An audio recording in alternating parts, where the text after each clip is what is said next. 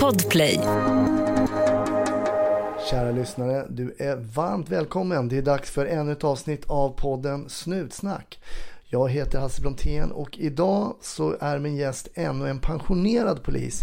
Och jag måste erkänna att det är någonting extra att prata med de här killarna och tjejerna som har varit länge inom polisen. Och Reinhold som är min gäst idag alltså har jobbat som polis i 46 år. Och som jag säger i avsnittet, hatten av för det. Snutsnack finns på Facebook och Instagram. Vill du ta del av bonusmaterial så gå in på patreon.com snutsnack. Nu över till Reinhold, men innan dess, var försiktig där ute. Och så hoppas jag att du får en trevlig lyssning. 1310 570 kom. 1310 Odengatan kom. Ja, det är uppfattat. Vi tar det. Slut. Bra. Klart slut. Hallå Reinhold! Ja, hej. Hur är läget? Ja då, det är, det är bra kan jag väl säga. Ja, du sa att det var bra med dig. Men... Omständigheter med pandemi och allt sånt där. Ja. Nej, då, nej, det är bra med mig. Och, men Ja. vädret är bara, bara skrot.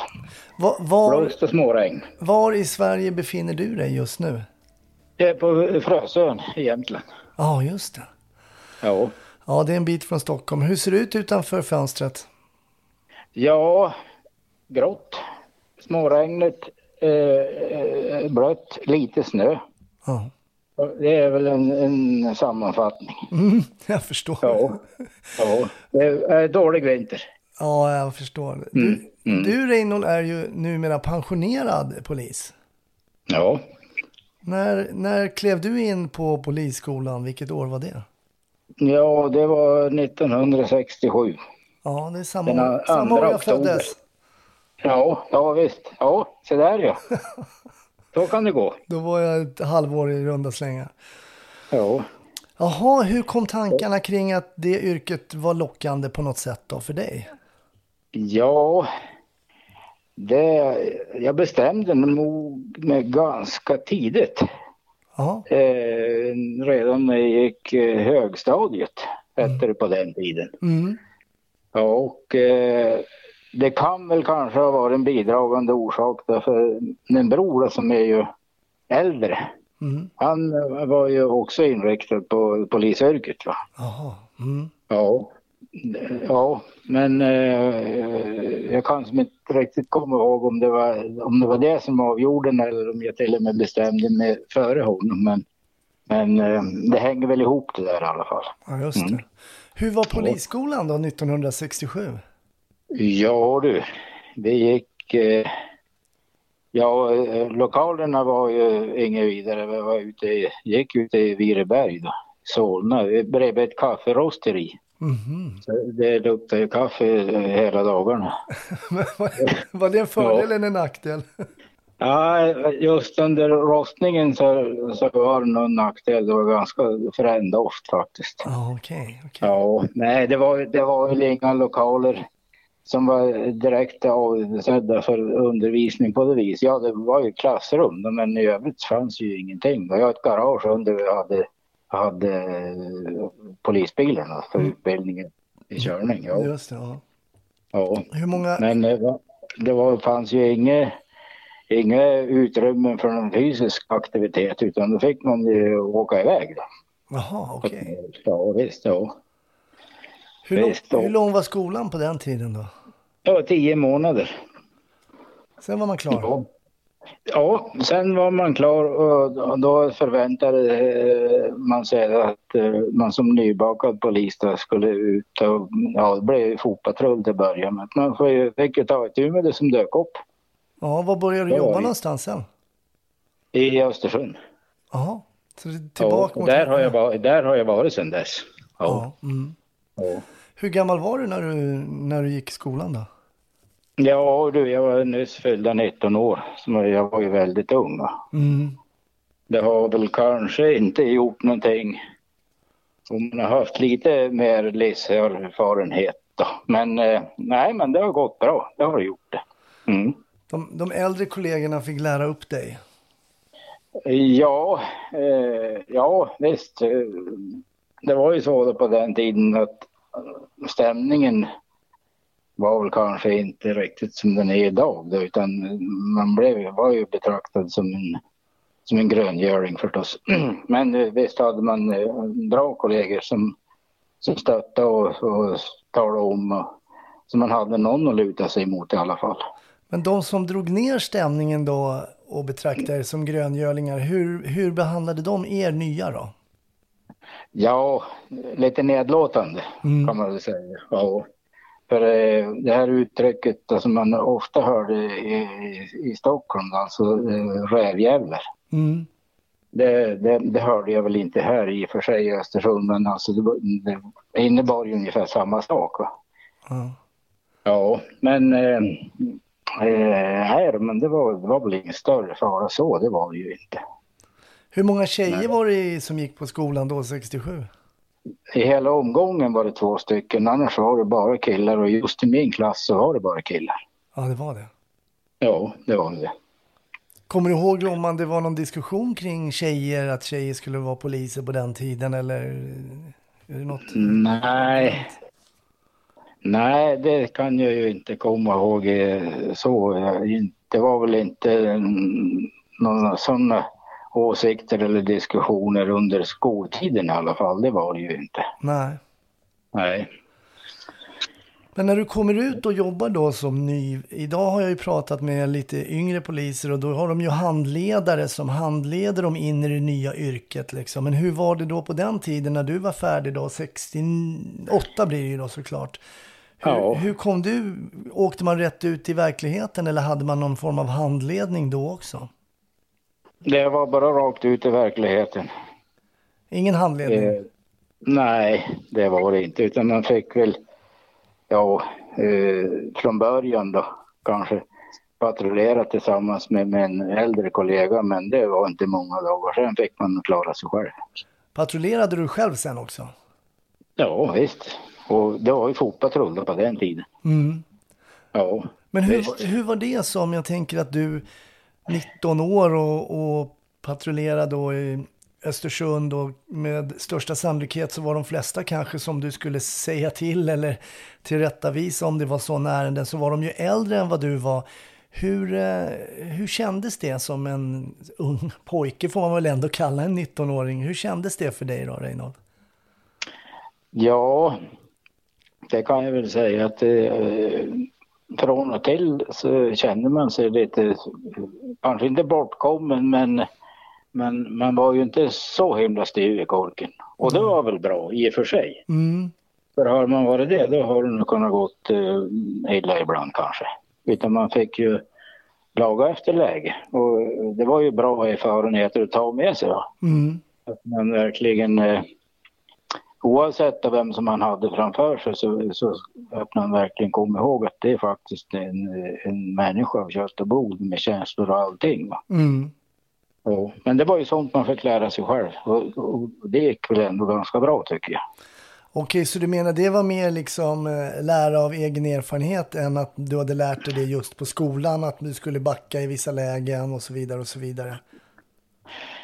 Ja, ja det är klart visst hade vi lite situationer på skolan där, där man då kanske talar om att så här ska man göra. Men oftast, det var ju mest bara teoretisk utbildning. Sen hade man ju då eh, direkt någon utbildning och om det blev något allvarligt läge så där, det, det fanns nog inte. Nej. Man fick lära sig grepp och batongteknik och lite sånt där. Det var det det gick ut på. Hur, hur kändes det, det jobbet att fotpatrullera? Det var ju många poliser på den tiden som du beskriver som just hamnade på att de gick ut och bladade liksom bland allmänheten och, och, och så vidare och så vidare. Hur skulle du kunna beskriva och kan du komma ihåg hur du blev bemött av folk när du mötte dem på stan och så där rent generellt tänker jag. Idag ser man ju, inga Ja. idag ser man ju knappt någon poliser som är ute och går. Det är ju, hör ju till sälls. Det är ju om de ska gå till bankomaten eller någonting. Ja, ja visst. Eller stanna och köpa en hamburgare höll på att säga. Nej, men, eh, nej, men det fick man väl. eh, Det, det var alltså en bra lärpenning. Mm, mm, Absolut, för eh, det förstod man ju att, att eh, ja, man var ju ung va? mm. och det var jag tvungen att ta med mig. Ja. Men när man mötte då äldre människor, man fick ju vara lite ödmjuk i alla fall. Oavsett vad det var för någonting då, Mm. naturligtvis. Eh, så eh, jag, jag kan inte komma ihåg eller påminna, jag kan inte påminna mig att det var något större besvär så. Va? Nej. Det är klart, visst var det väl lite bökigt ibland när man skulle omhänderta någon, någon eh, fyllerist Mm. och, och gå med den då upp till po- polisstationen. Men man fick ju ta det med lämpor då också så det, det, det, jag har som ingen minne av direkt att man hamnade i några, några situationer som var väldigt besvärliga. Nej, men när du då skulle omhänderta som du beskriver en, en fyllerist, då fick du alltså baxa med den personen själv då till stationen? Ja, oftast var det så. Man hade ju ingen kommunikation med, med, med polisstationen alltså. Fanns ju ingen radio, ingen telefon, ingenting. Nej. Utan det var kanske då någon, eh, det hände väl att eh, det var någon, någon människa eh, som såg det här då, som kanske ringde och, och så man fick lite hjälp någon gång ibland. Men, men eh, ofta stod man där helt ensam. Jag tänker att det är ju en helt otrolig liksom, teknisk utveckling då, då från det året jag föddes då 67 till idag och man kan se dels om man tittar rent okulärt liksom, på hur poliserna ser ut idag om man jämför. Jag menar, hur var du klädd då när du kom ut från skolan? Vad hade du, hur såg din, vad hade du för utrustning på dig som polis då? Ja, man hade den här eh, uniformen då som var väl, ja vad det var för tyg, om det var en blandning av ull och något annat förstås. Mm. Skarpa eh, eh, pressväck och eh, lågskor och sen eh, hade man ju då, då batong Ja. och en pistol. Ja, visst. Det var en, en skärmmössa på huvudet när man var ute och patrullerade. Det var väl det man hade. Och det var skjorta då och slips också eller? Ja, det var ju skjorta och slips under och sen var det ju, när det var vinter då så fick man ju klä på sig ännu mer. Den här långkappan där var ju besvärlig. Den var ju ner i vägen. Den, den gjorde någon nytta ibland. Den, Ja, den gick ner över höften va? Ja det gick ju ner eh, nedanför knäna. Ja, det är inte lätt att springa då. Det är inte lätt att spränga och man eh, blev ju lite ovig förstås, naturligtvis. Men, eh, men eh, ja, så alltså utvecklingen det, det, det är ju helt makalöst. Men det är klart det har gått 50 år också så det är väl inte så konstigt. Förvisso, förvisso. Men vad tänker du när du, när du ser en bild på en fullt utrustad konstapel idag? Ja, ja jag, jag har ju förståelse naturligtvis att man måste ha utrustning för det, det är ju helt annorlunda idag än vad det var på den tiden då kanske. Men, men eh, eh, det är väl så, kan det vara lite till överdrift ibland för det är nog otroligt vad med grejer man har på sig. Men, men, eh, men det behövs ju naturligtvis. Mm. Det ja, och visst, och vi ska ju absolut inte ha någon återgång till några, till några eh, omodernare grejer. Nej, utan utvecklingen går ju jättesnabbt. Alltså det, jag säger om 50 år här efter så kommer man ju titta på 2022. Herregud vilka gamla grejer de hade då. Mm. Ja, Ja. antagligen. antagligen. Ja, ja visst, ja så blir det ju. Ja. Och jag Ja. tänker på, på det så kallade buset som man kanske då i, i, i polisiär folkmun benämner kriminella. Va, vilka var det på din tid då när du var ute och, alltså när, i slutet på 60-talet och början 70 det Var det de som kallades för Kalle Kofot och, och, och sådär eller är det bara, är det bara Ja. gamla skrönor? Det är då, det är då, visst det fanns ju en del öknamn, det gjorde det ju, men eh, ja, man hade ju som olika eh, klientel. A-lagarna, det var ju A-lagare, det, det var ju inga större problem med dem. De var ju, ja, det fanns ju en del som blev lite våldsamma så, men, Mm. men eh, det är klart vi hade ju det vi kallar, ja, det var väl mest tjuvar på den tiden. Mm. Ja, fanns det, var ju de som var våldsamma också, så man fick ju passa sig lite grann. Ja. Men det var inte så himla många så man lärde ju känna dem. Visste ju vilka det var. Mm. Ni kunde dem till namn och sådär? Ja, det gjorde vi det. Personnummer och allting. Kunde de era namn också? Ja, det blev det ju. Eh, oftast, så ja, faktiskt. Då, eh, det blev ju ibland, blev man ju påhejad då. Ja, Nu. Men är det Reinhold? Ja, ja. ja. visst. Men Ja, hur, ja. hur var det att vara polis på hemmaplan då? För du var ju lite på hemmaplan då så att säga. ja, både och alltså. Jag är ju, jag är ju född i Jämtland, uppvuxen i Jämtland men, men hade väl inte varit i Östersund så himla mycket. Jag är ju född i en by nio mil norr om Östersund. Mm, okej. Mm. Ja, jag gjorde ju rekryten i Östersund men, men eh, så, så himla mycket hemmaplan var det ju inte. Nej, det är klart man träffar på, på en och annan bekant naturligtvis och bekantskapskretsen blir väl större och större ju längre man jobbar men, Mm.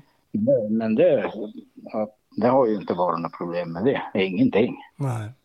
Nej. Hade du någon målbild som, som ung konstapel, liksom karriärsmässigt, att du ville göra någonting speciellt? Eller lät du bara liksom åren rulla på där? Vad hände, vad hände i Reinhold? Liksom? Tänkte du att jag skulle bli överkommissarie någonstans eller något sånt?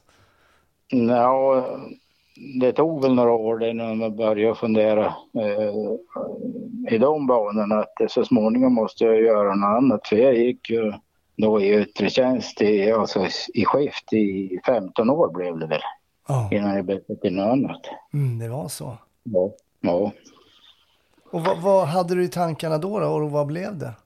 Ja, det är klart så småningom så blev man ju lite, lite halvless på det blev som samma och samma. Mm. Eh, eh, man visste ju fredag, lördag kvällar och nätter, ja det är krogbråk. Mm. Ja, och det är, det, är många, det är många med mig som säger det var av det sämsta. Mm. Inte det värsta men bland det sämsta för alla visste ju precis hur allting har gått till och skulle lägga sig i. Det var ett himla bök och stök. Ja, ja, det är Ja. klassiskt.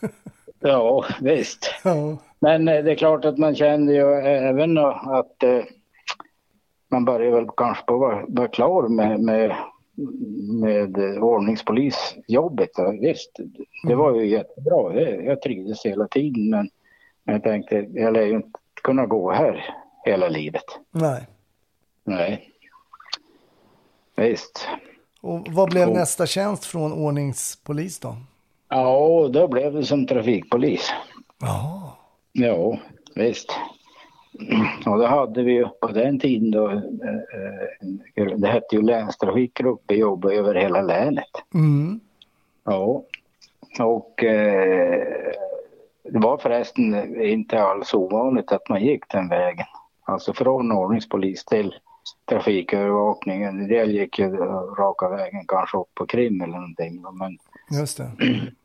men eh, sen, eh, eh, ja trafikpolisjobbet var ju, det var faktiskt riktigt intressant Mm. och lärorikt. Ja, man fick lära sig mycket. Var, det, Alltså- var det lite förvånande att du tyckte att det var så pass intressant som du kom att göra? Ja, det var det nog inte för jag hade väl sneglat på det här ett tag. Eh, man hade väl då kanske en, eh, det var ju ett större mått av frihet naturligtvis. Mm. Det var det ju. Mm. Ja, och det var ju ja, naturligtvis under stort ansvar. Det var det ju. Men för, frihet innebär ju ett stort ansvar. Mm. Det gör det ju. Men eh, ja, jag, trivdes, jag trivdes bra. Det gjorde jag. Väldigt bra. Om man tittar på Eh. filmer och sådär, då är det ju oftast ett straff att bli trafikpolis. De säger så här, om du, nu har du misskött dig, nu blir det ett halvår på trafiken. Ja, det händer mycket på film som inte riktigt stämmer med, med verkligheten. Nej, det är Eh, sant. Men eh, jo, det fanns ju alltså olika åsikter om det också. Ja. Det gjorde det. Mm. Det var ju kanske lite finare att jobba på krim. Mm. Ja, Ja, det är intressant, för det finns ju ändå någon form av outtalade hierarkier inom polisen på något sätt. Sen sätter väl kanske eh, olika personer, olika enheter olika högt, men några som man faktiskt skämtar om lite grann är ju just trafikpoliser, kanske hundförare, tekniker. Alltså det finns ju några sådana här som man, om man gör en generell, liksom lite skämtsam bild av det, så är ju trafiken ibland ett sånt gäng. Ja, visst. Eh, kanske eh, ansågs eller till och med anses lite grann som insnöade på sitt område. Ja, kanske det också ja. Ja, När det, när det kommer till så här tunga gruppen, de som ska väga ja, ja lastbilar. visst. Och det är, det, är ett, det är ett specialjobb kan man väl säga. ja, Det är det ju. mm, Absolut. Men det är inget lättare specialjobb det än att vara tekniker eller vad det nu än är. nej, precis. Nej, det är det absolut inte. För det är mycket att hålla reda på. Jo, det är det. När du, sa, Ja. när du berättade att det, det var lite friare sådär, men jag kan tänka mig att ni till exempel satte upp ehm, hastighetskontroller och så vidare och så vidare i länet och sådär. Och hur, hur blev du Ja. bemött där jämfört med att vara ordningspolis då? För då kom du kanske att möta mer citattecken vanligt folk så att säga som man kanske stoppar för fortkörning och sådär. Hur, hur blev det någon skillnad där i bemötandet? Eh, ja, det fick man ju också lära sig lite grann. För, för det är klart att en del hade ju åsikter naturligtvis. Mm. Och det säger jag ingenting om. Det måste man ju få ha. Ja, Men, eh, men man lärde sig snabbt att bemötandet var oerhört viktigt. Mm. Ja. Och Inte komma med några med några pekpinnar och, och eh, sånt där utan alltså, lugnt och sakligt tala om vad som har hänt och vad följden av, av händelsen blir. just det. Ja, och vara alltså vänlig och, och bemöta folk som, ja, man behöver inte alls vara någon, någon, någon form av, ja, se dem lite grann över axeln eller vara lite överlägsen och sånt där. Det, det, det blir aldrig något bra. Nej, du menar det. Det, det funkar sällan. Alltså det funkar aldrig, Nej. vill jag påstå. Nej, det gör det inte. Har du sett exempel på um, kollegor så där man har försökt den taktiken när det inte har gått bra? Ja, jag har jo, jag har sett eh,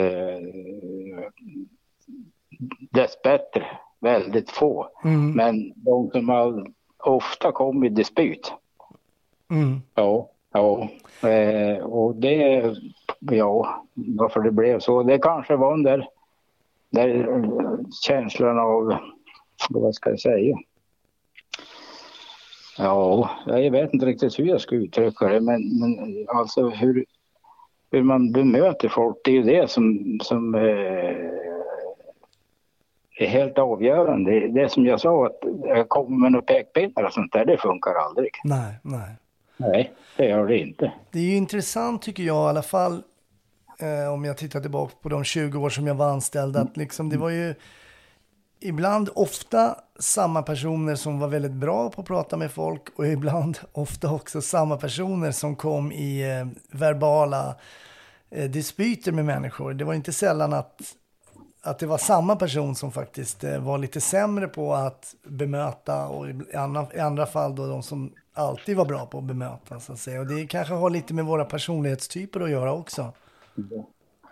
Ja, jag håller med dig till 100 procent. Så var det. Mm. Ja, det kunde man nästan säga i, förväg att eh, vem som kommer att hamna i dispyt. Mm. Och varför det blev så, ja, ja, det är svårt att svara på. Men, men, eh, men eh, ja, jag, jag, jag säger återigen, alltså det här med, med pekpinnar och allt sånt där och, och kanske inte förklara saker och ting alldeles så himla bra. Nej, Då kan det lätt bli så där. Mm. För det är klart att det, det kändes ju när man hade exempelvis en hastighetskontroll. Ja, det var inte bara det här med böten utan då skulle man ta körkort av dem också. Mm. Omhänderta det. Just det. Ja. ja, och det gäller ju att vara lite diplomatisk då. Mm. Alltså, och inte hålla på och svamla omkring utan man talar om lugnt och sakligt vad som kommer att hända. Mm. Det funkar jättebra för mig i alla fall. Ja, man säger bara rätt ut att vi kommer omhänderta ditt körkort. Ja visst, ja. Det här kommer att medföra två saker. Det är för det första så är det böten och var inom, inom ramen för ordningsförläggande så kunde man klara ut det på plats. Mm. Men sen också tala om att innan man börjar med något annat, det här kommer också innebära att jag omhändertar ditt körkort. Och inte bara det utan man måste också förklara vilka möjligheter eh, den här personen har att kanske, för det var ju så att fick ju ändå köra vidare tre dagar. Mm, just det. Ja, ja visst. Och man talar om sånt där lugnt och sakligt och, och frågar och kanske någon annan då, om det nu var semesterfirare. För ofta var det ju det här med de skulle hoppa, åka skidor i, i fjällen här. Mm, just det. Att det finns någon annan som kanske kan ta hand om ratten under tiden. Mm. Ja då, nej så det... Visst, eh, alla var ju inte glada det säger jag ingenting om. Det skulle nog kanske inte jag heller ha varit men jag kan inte påminna mig att det var någon direkt som, som var otrevlig eller sånt där. Nej de det gick rätt bra faktiskt. För jag kan tänka mig att ehm, till exempel fortkörning är ju ett så kallat ja, vardagsbrott kan man säga. Där många tycker att när man har blivit stoppad för det då så i relation till det här brottet så tycker man att polisen kanske borde syssla med någonting annat än att just stoppa mig för att jag har köpt 17 kilometer för fort. Blir, man inte som trafikpolis ofta bemött av det? Att borde det inte ta, ja, kanske gripa Palmes mördare eller någonting annat? Ja, jo då, visst, visst är det väl så. Det är det ju. Det fick man väl höra, höra någon gång ibland, men det, det, det är väl så att det fick man väl skriva på det här kontot. De, de var ju tvungna att säga någonting i alla fall och då kanske det blev så där då. Mm. Ja, du borde väl ha något annat att göra. Ja, så just nu har jag inte det. Nej. Utan det här, här är mitt jobb, det är just här och nu. Just nu är du 100% i mitt fokus. Ja, ja visst. Ja, jag ägnar all uppmärksamhet åt dig. Ja, Och hur många år blev det på trafiken då? Ja, i yttre tjänst blev jag där, för, nu ska vi se här, 82 gick jag över och eh, 98 då gick jag nog in som och fick ansvaret, hela ansvaret för trafikövervakningen. Jaha, okej. Ja, visst. Det gjorde jag. Så, och sen dess har jag varit, haft inomhusjobb. Ja, hur många års Ja. tjänst blev det för dig då? Inom polisen? Ja, det blev 46 år sån där som på tre månader. Ja, hatten av, hatten av. Ja, och jag har trivts jättebra hela tiden alltså. Ja, det är otroligt. Ja, ja nej, och, eh, och tiden, tiden då som chef för trafikpolisen, alltså då, då började det bli en enorm utveckling där också. Och då fick man ju vara med och, och ta del av och leda. Mm. Och, och det, blev, det blev mycket som blev annorlunda där under ett antal år. Mm. Det var det. Och ny, nya grejer kom alltså. Nya metoder och det var, man skulle alltså ha, ja, allting skulle ju vara som underrättelsebaserat. Ja, just det. Även, även eh, trafikpolisjobbet. Just det, just det. Nej, så det, var- det, var, det var en intressant tid att vara med och, och, vara med och, och, om utvecklingen och vara med i utvecklingen. Just det. Mm. Ja, det var det. Men, Så där blev vi ju kvar då, ja ett antal år. mm. Ja. men med 46 år då i, i, i, i bagaget, fanns det aldrig tankar om att du skulle byta yrke? Nej, det gjorde det inte. Nej, det är ju Nej, helt otroligt. aldrig. Och det, men däremot så har man ju träffat kollegor, någon enstaka, som borde ha bytt yrke. Ja. Det kan jag ju säga. Mm. Och som tyckte då allting var eh, jämmer och elände, det var fel på allting. Ja, kanske hade jag hoppat i galen tunna men, men eh, inte förmådde kanske att, ta steget och göra något annat.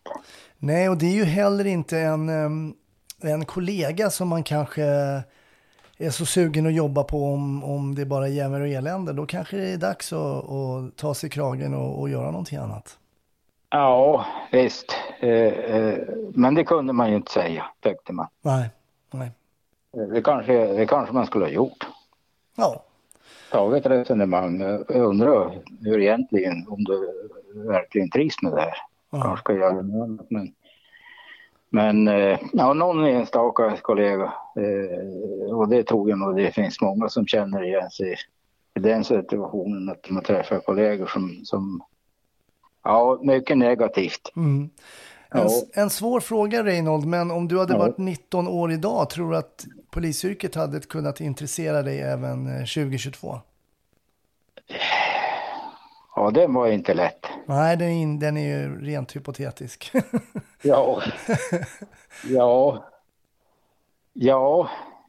Ja, det, det kan jag väl säga. Det är inte säkert att det, ja, att det har blivit det. För nu när man har då, eh, med sig i bagaget allt det man har varit med om och allt sånt där så, så, så eh, ja.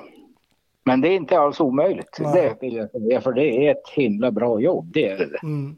Ja, men det är intressant. Man pratar ju mycket nu om polislöner. Givetvis är det viktigt att poliser ska få ha en, en bra lön tycker jag. Men ibland så undrar jag om det inte ändå finns bara ett x procent av befolkningen som är så att säga polistyper eller redo att bli poliser.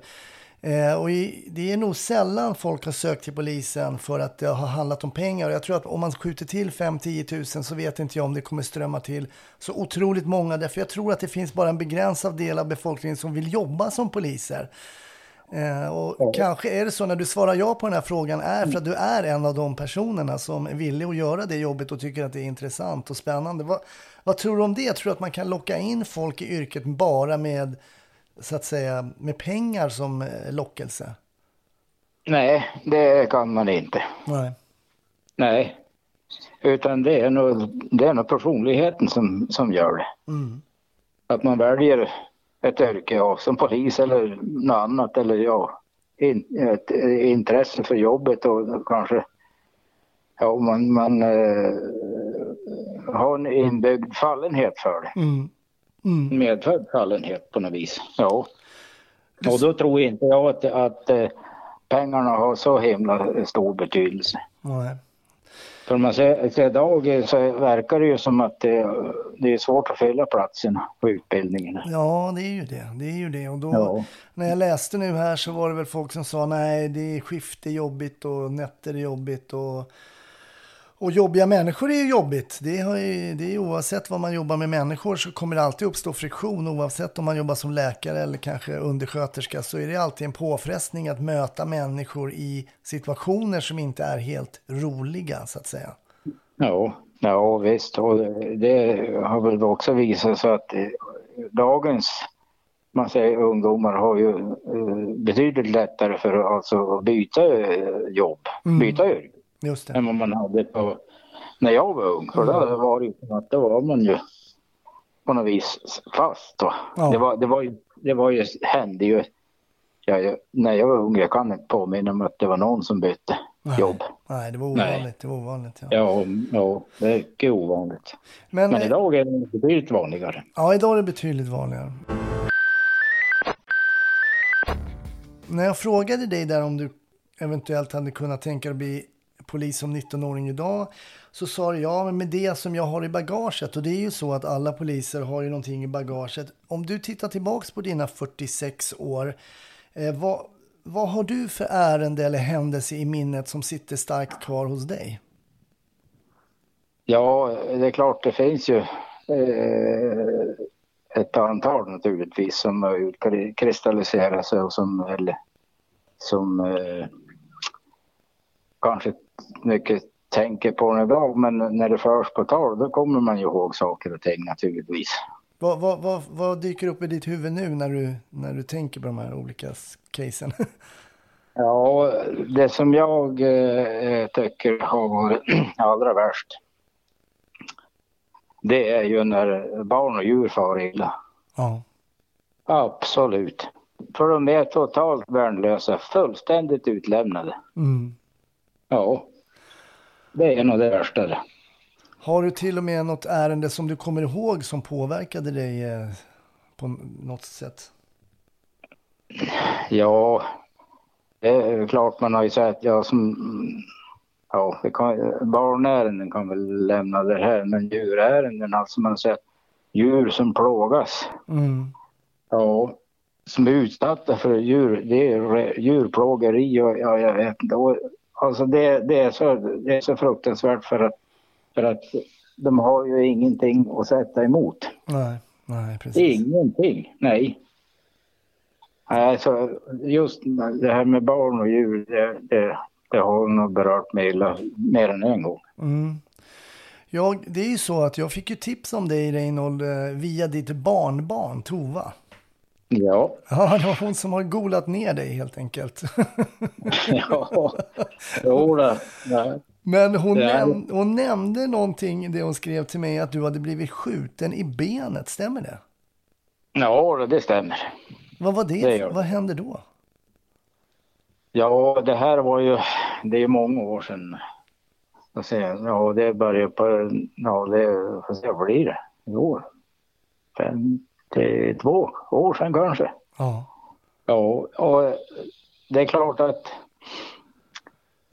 eh, Ja, och en inledning lite kort, det var ju så att det var ju en, en, eh, en äldre då, man Ja. som bodde ensam och eh, det började helt enkelt med att han, han eh, besköt alltså eh, grannens hus. Okej. Ja, av en anledning. och eh, det... Ja, men bakgrunden alltså... Det, det var ju himla dramatiskt va? men om man tittar lite grann på bakgrund och över tid så var det mer tragiskt än, än dramatiskt. Ja, för den här mannen hade ju... Ja, han var född utom äktenskapet. Mm. Och eh, han kallades ju för felsteget eller Felis då. Mhm. Och hade- väl ingen lätt uppväxt och eh, hur det var i, vuxen ålder. Ja, det är säkert så bar han med sig det här va. Mm. Själva bakgrunden till, till det här är ju är väldigt tragik egentligen. Mm. Men, eh, men sen när det väl hände det här då, då var det ju, ja det är kanske en av de mest dramatiska händelser vi har i, i, i polishistorien här. Skulle jag påstå. Vad hände? Ja, eh, visst, vi, fick ju åka, vi åkte ju dit då. Eh, Ja, det var ju bara... Ja, vi var ju unga och eh, första patrull, ja, vi var väl kanske tre, fyra stycken då, fyra, ja. Mm. Och eh, när vi kom fram till det här huset, det var ju helt nersläckt. fick ju ingen kontakt med den heller. Nej. Nej. Eh, mer än vid ett, ett tillfälle då kom han ju faktiskt ut på, på första trappen. Jag öppnade inte dörren men slängde igen den fort som fasiken och in igen. Va? Ja, okej. Ja, och eh, ja, ja, hur skulle vi bära oss åt? Ja, det här var ju inte lätt. Nej. Jag hade ingen utbildning för det och egentligen ingen utrustning heller som barn. Och, och eh, visst, man hade ju ett, eh, en obehagskänsla naturligtvis. Va? Mm. För det visar, den här, han, han var ju alltså en, eh, en gammal hemvärnsman. Han hade ju alltså armégevär. Ja, Okej. Ja, var ju, var ju ingenting som man vill vara beredd att ställa sig i vägen för.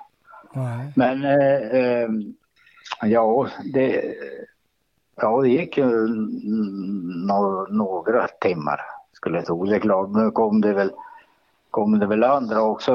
Och där också, vi hade ju, jag hade ju inga grejer. Ja, vi hade de grejer vi hade då. Exempelvis skulle vi försöka spruta in en tårgas. Ja. Ja, men ja, vad, hade, vad fanns det till buds på den tiden? Jo, en, eh, ja, en borr och så var det ju tårgas och en flaska med ett litet, ungefär som ett sugrör. Man skulle borra hål där i någon fönsterbåg och spruta in lite, lite Ja, tårgas. ja jag det- förstår. Mm. Ja, det, ja, det var ju hemskt. Men hur som helst. Eh, så, ja, helt plötsligt så då sköt han rakt ut genom väggen. Och det är ingen konst med, med en Mauser. Nej. Och kulan, jag gick ju genom väggen och genom, eh, jag hade ju en skyddsväst då, men den stoppade ju inte. Nej. Nej, och hade ju lite tur då för, för eh, ja, rester av, av kulan och lite grann av någon murbruk och sånt där. Det hamnade ju på utsidan av lårbenet istället för på insidan. Just det. Ja, det var ju ren tur det, för lika gärna de kunde tagit på insidan och då har ju du och jag inte pratat idag i alla fall. Nej, där har man ju viktiga, blod, viktig blodtillförsel. Ja. Ja, ja visst. Ja. Jaha, och Eh. hur märker du att du är skadad? Du hör den här Ja, gevärsskottet? men det hade varit, varit eh, så lugnt. Alltså, så. Mm. Det hände ju ingenting. Så vi var, var ju helt oförberedda Mm. På det här. Och, eh, och det jag minns, alltså det gjorde ju så fruktansvärt ont. För det här var ju glödhett när det kom, skrotet kom in i, i benet. Ja, det är klart. Ja.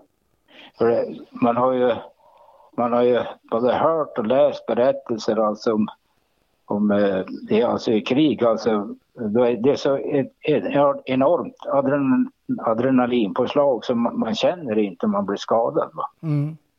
Men här, det här, så var det ju inte här. Var- jag hade ju inga adrenalin alls i, i kroppen höll jag på att säga. Nej. Utan, nej. Ja, fruktansvärt ont, det, det kommer jag ju ihåg. Men eh, Och vad hände direkt efter du känner att du har blivit eh, ja, träffad? det var det ju, ja, eh, ramlade i backen naturligtvis och då skulle man dra mig runt huset. Va? Ja. Ja, och eh, då var det ju så otur så, så eh, alltså eh, skyddsvästen då, ryggsidan fastnade i en rörstump. Jaha. Ja, och alldeles inte i väggen då på, på gaveln.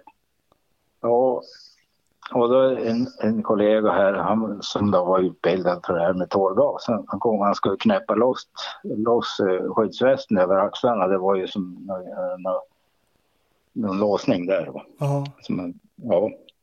ja, det gjorde han. Och när han reste sig upp då small det igen och då, han blev ju skjuten i ryggen. Han dog ju inom ett par sekunder. Oj. Ja, Han som hjälpte dig med västen? Ja, ja. För när han reste sig, och då, då var det ju alltså, jag låg under ett fönster. Så när han reste sig, då fick ju den här mannen då fick syn på, då sköt han och träffade han just, han, eh, och det hörde jag ju sen han skjutit sönder eh, kroppspulsådern. Ja. Oj, oj, oj. oj. Ja. Visst, och eh, ja, man drog ju undan mig vidare och ner över och jag blev ju hämtad med ambulans. Va? Ja. Men det var ändå det allra mest, eh, ja, det blev ju krig under natten där. Jaha. Ja, visst. Jag, jag, kommer också ihåg, det glömde jag säga, va, när en kollega då som stod bredvid när, eh, när, eh, när kollegan här blev skjuten. Han Ja. öppnade automateld in, in genom fönstret men ja. Och sen var det, sen var det skottlossning. Och jag kan förstå, hund, ja jag vet inte men men eh, det, det var ju tydligen då mer eller mindre krig hela natten. Och, och eh, eh, det här med tårgas alltså, han, ja. Det var ju så att man, nu blev ju rutorna sönderskjutna och, och då punkterar man de här tårgasbehåll, tårgasbehållarna med, med kniv och kastade in. Men det hjälpte ingenting. Nej. Nej, han var helt oberörd alltså. Det talade han ju sen och i förhör talade han. Hade suttit och fikat nere i källartrappen. Sådär. Det hade inte spelat Ja. någon roll hur mycket man hade Nej, in. nej, nej, nej, visst. Nej, eh, och inte förrän, förrän man eh, hade vänt sig till militär och skulle lägga ut rök. Okej. Och det talar man om med, med, att nu kommer vi att lägga ut rök. För som sagt, den här var ju utbildad eh, hemvärnsman. Då förstod han att nu, nu, nu var det nog färdigt. Så då kom han ut. Jaha. Ja, Och men, och det var inte förrän på morgonsidan, tidigt på morgonen. vet, Och det du, här hade pågått hela natten. vet du vad det blev för, eh, för påföljd? Ja, och han, eh, han, han var ju psykiskt sjuk alltså. Mm, Så det blev, ja, Okej. blev sluten psykiatrisk vård. Och, Mm. Och eh, några, bara några år efter och så dog han faktiskt. Okej. Ja, Vad var det för Det- ålder på den här kollegan då för, som blev skjuten till döds? ja gammal kunde han vara då. 50-årsåldern. Ja, okej. Mm. Ja, det är lite gissning sådär. Men där någonstans. Men Kanske, kanske lite 50 plus. Ja. Reino, det är ändå väldigt intressant måste jag säga att jag frågar dig om vad du kommer ihåg och då säger du att ja, barn och djur. Och så har du själv blivit skjuten i benet och varit med om när en kollega blir ihjälskjuten. Hur kommer det sig att du inte nämnde liksom det här? Är det, ligger det längre bak på något sätt än barnen och den här upplevelsen? ja, det det är två helt olika saker. Det går som inte att jämföra. Nej, jag förstår. Nej. För när man står där med, med de här barnen och de här djuren som har farit illa, alltså det, det är fruktansvärt. Mm. Hur återhämtade du dig från den här äh, skadan och den här Ja. traumatiska upplevelsen att bli av med en kollega? Hur, Ja, hur, hur, ja. hur, vad hände? Ja, du vet det här med, med, med debriefing och allt sånt där, det ordet fanns ju inte på den tiden. Nej, Nej, nej, nej, nej, inte alls. Jag hamnade ju på sjukhuset här. Jag var inte där så länge heller. Ju bra, två operationer. För det, var- det var ju bara köttsår. ja. Men det är klart att eh, det förstod man, har ju man förstått, sett, va? förstått sett, sen att eh, jag fick ju prata om till media ja. I ur och skur.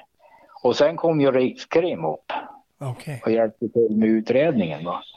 Och eh, den enda som höll förhören, det- jag, jag kommer inte ihåg alls vad han heter, men vi, vi pratade, det tog ju alltså några timmar det där. Mm. Och allt det där sammantaget gjorde nog att jag fick nog fullständigt prata om. Så det blev en, en debriefing fast det kallades för förhör och lite annat, eh, intervju? Ja, och, visst, ja, och, ja, ja visst, och media. Eh, Tidningar, radio, tv, allting. ja. Vill jag ha historien och jag fick dra den gång på gång på gång. Mm. Och plus det här med förhöret, men alltså någon debriefing inom själva, inom själva polisen, det, det fanns nog inte. Har du lidit av händelsen eh, efteråt? Jag tänker psykiskt. Nej, det är klart man funderar ju lite strax då, för jag var tre veckor då var jag tillbaka i jobbet igen. Va? Mm. Men och, eh, det kan jag ju säga att inte långt efteråt, då blev jag och en kollega eh, eh, skickade till en ort här utanför Östersund. Då var det någon som har brutit, in, brutit sig in i en järnaffär där Mm. och plockat ut vapen och sköt omkring sig. Oj. Ja. Ja, det var vi två och det fick vi lösa på egen hand. Ja, det kändes lite grann, det kan jag säga. Fick du lite flashbacks då eller tankar kring det som hade hänt ja, tidigare? ja det, det tyckte jag var lite, faktiskt lite obehagligt. Ja, jag förstår det. Men jobbet skulle ju göras Ja, och det gjorde vi. Men vi, vi var bara två stycken som, som fixade det. Och det löste sig bättre den gången. Än... Ja, det vi omhändertog den här. Ja, visst. Det löstes ju till slut, men men eh, då kan jag väl säga att då, då hade man lite tankar i bakhuvudet. Absolut. Ja, det var nog högst mänskligt. Ja, ja, tror jag. Det var verkligen. ja, ja. Men utöver det så, så, så nej, kan jag inte påstå att jag har haft något men av det. Nej, jag tror att vi Nej. människor påverkas väldigt olika. Ibland av samma situationer då vi upplever dem liksom väldigt olika. Men och sen är vi ju Ja, olika till naturen och kan hantera saker på olika sätt. ja, ja så är det ju. Eh, eh, om jag ska på något vis, höll jag på att säga, diskera mig själv, men jag är ju, jag är ju, jag är ju lugn mig. Absolut. Det vill till innan jag hetsar upp med någonting, den saken är klar. Ja, jag känner mig själv ganska väl, eller väldigt väl så det, det kan ju hjälpa till då, Mm. kanske. Ja, ja det, är nog, det är nog en fördel att känna sig själv. Ja, Vilket det är ju såklart, man hinner ju inte med ett helt polisliv på, på en knapp timme, men eh, otroligt eh, spännande historia. Men hur känns det att vara pensionär nu då? Hur var det att lämna in brickan och liksom bli eh, en helt vanlig man på stadens gator? ja. Ja, ja jag, jag slutar ju inte eh, polisbanan på, eh, som, eh, inom trafiken utan jag slutar ju uppe på staben. Ja, Okej, mm. Ja, eh, visst. Och där kan jag ju säga att jag har haft eh, en oerhörd tur. Ja. Därför att det är ju så att man kan ju känna sig färdig med en arbets, ett arbete, arbetsuppgift någon gång att nu vill jag gå vidare och göra något annat. Mm. Och då har jag haft möjligheten att få göra det. Så på det viset har jag haft tur. Mm. Och där uppe på, på staben som, som biträdande stabschef, ja, jag, jag trivdes jättebra alltså, Ja. där också. Ja, Mm. vad kul. Ja, och eh, hade väl funderingar på om jag skulle gå och jobba lite längre då så jag fick vara med om hela omorganisationen ända till, till den var gjord. Mm. Jag hade mycket med det där att göra innan. När det, men eh, det blev inte så utan jag, jag, jag lämnade in brickan. Och, ja, det, det, det har ju också en, en, en speciell eh, historia då. Ja, berätta. Eh, ja, därför att min eh, fru hon fick bröstcancer. Oj. Ja, och eh, ja, hon blev ju opererad och, och eh, mycket av det gjorde väl att eh, tanken på att gå över ett eller två år, den försvann ju utan jag, jag tog ju chansen att, att gå i pension då. Mm. Visst, och, och tur var ju det då för ett år senare så dog hon. Oj, ja, jag beklagar. Mm. Ja, ja tack. Men, men som sagt så, så blev det. Jag hade ju faktiskt fått uh, gått i delpension något år innan. Mm. Och, Livet. och ja, livet eh, det blir som det blir Mm. eh, ibland. Va? Ja, Eh, ja. vi- Visst, man har ju möjlighet att påverka det. Eh, eh, men över, över, i det stora drag så påverkar man nog inte så mycket. Nej. Om man ser det ver- verkligt stora vyerna. Mm. Mm. Men det är klart, det- där man är då här och nu, det kan man väl påverka. Men, eh, men det må jag ju säga att, att eh, jag har haft ett himla bra jobb. Ja, vad roligt att höra. Det är ju väldigt glädjande. Ja, Men då tänker jag, då sitter du ju om dagarna nu mest och tittar på polisfilmer.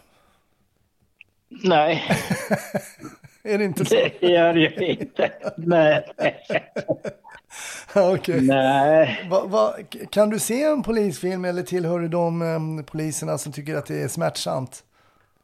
Ja, smärtsamt är det ju inte.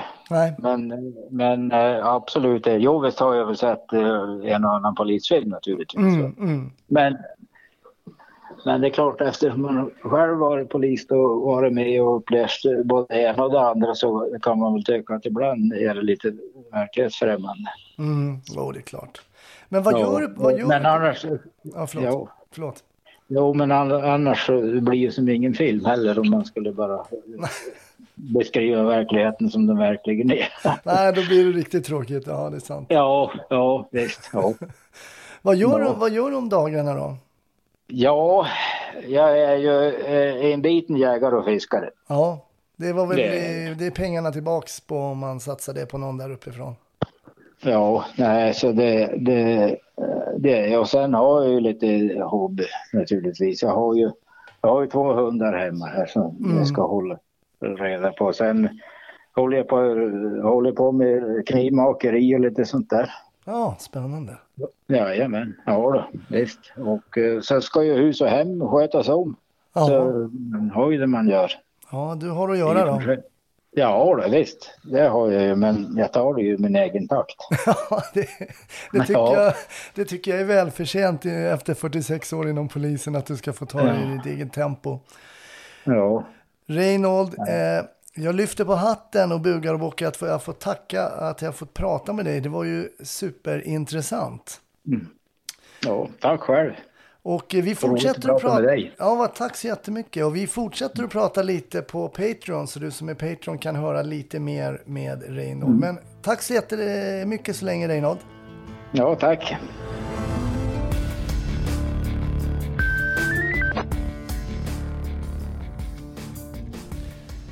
Ja, nu är det över för den här veckan, men självklart så kommer det ett nytt avsnitt i nästa vecka.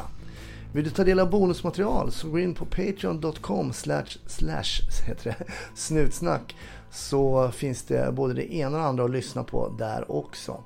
Ha det fint, hoppas att vi hörs i nästa vecka. Hej då!